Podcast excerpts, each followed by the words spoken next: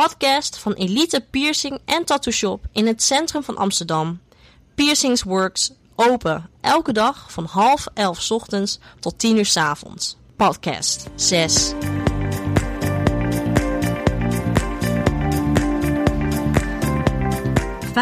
...25 dingen die meespelen bij het bepalen van de prijs van een piercing.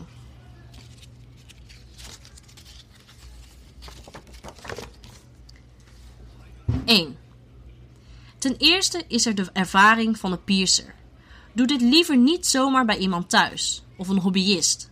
Ga naar een ervaren en opgeleide piercer in een studio. 2. Een te goedkope piercing geeft vaak aan dat er weinig ervaring en goede spullen in huis zijn. Vaak is dit meer een kwestie van willen verkopen. 3. Er wordt gebruik gemaakt van een sterilisatiemiddel.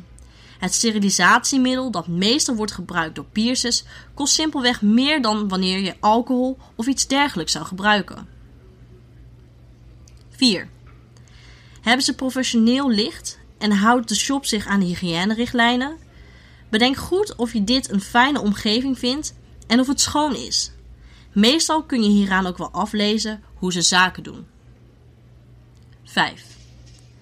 Wordt er gebruik gemaakt van een steriele pen?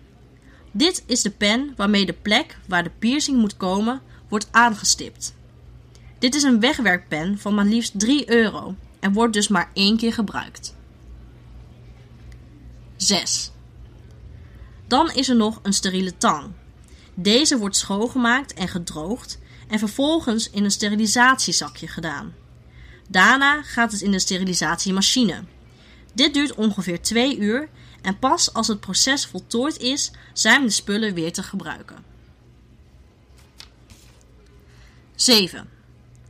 De piercing zelf hoort ook steriel te zijn.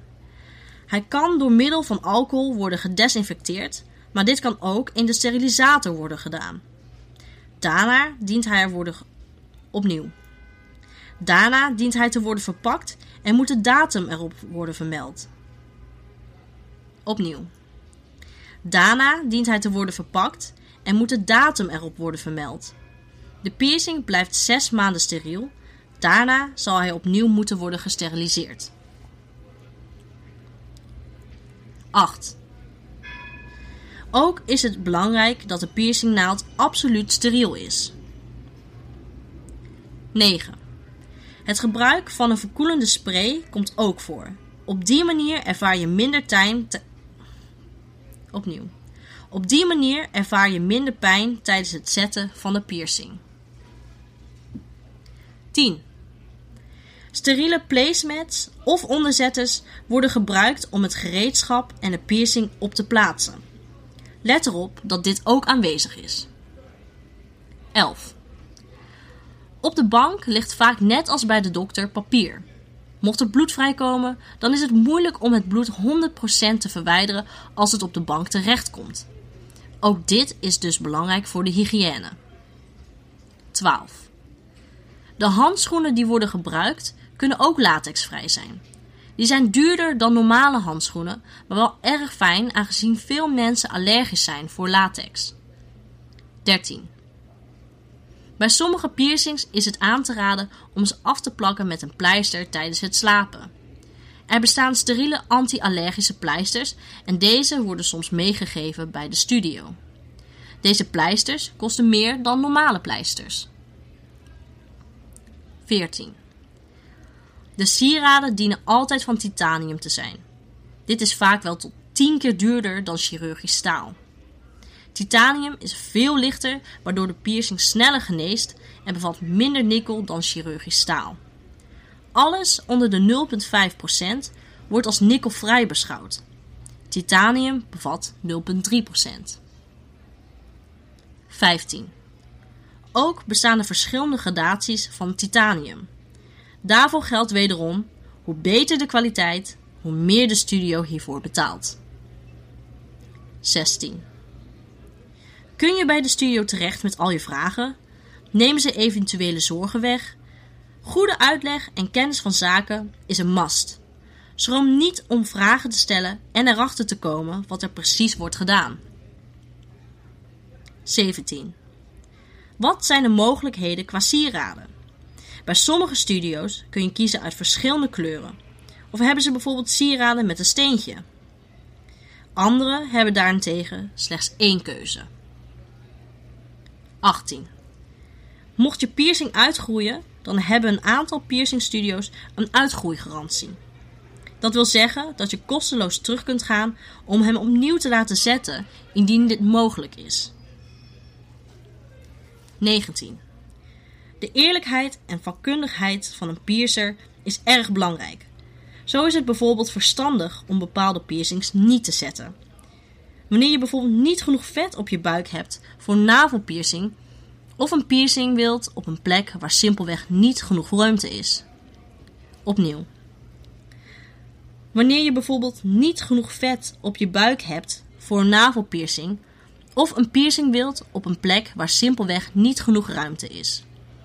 Als dit wel wordt gedaan, kan het soms goed fout gaan of te lang duren voordat hij geneest. Een goede piercer zal hierover eerlijk advies geven en niet zomaar elke piercing zetten, hoe graag de klant dit ook wil. 20. Of je piercingstudio milieuvriendelijk is, speelt ook mee. Gooien ze bijvoorbeeld de naald weg na het piercen?